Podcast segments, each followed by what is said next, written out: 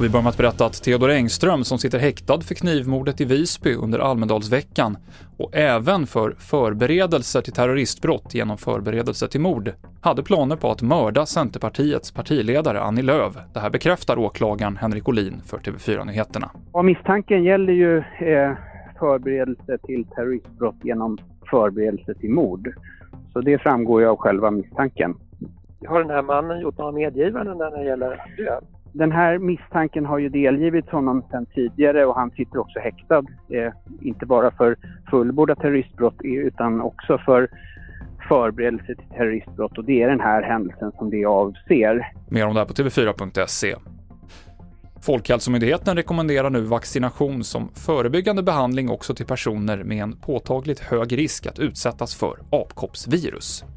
Beslutet kommer dels för att vi har lärt oss mer både om vaccinet och eh, sjukdomen och hur sjukdomen eh, sprids, men också framför allt för att vi nu har möjlighet att ge eh, en mindre dos vaccin med samma effekt, vilket gör att vaccinet räcker till fler individer. Erik Sturegård på Folkhälsomyndigheten.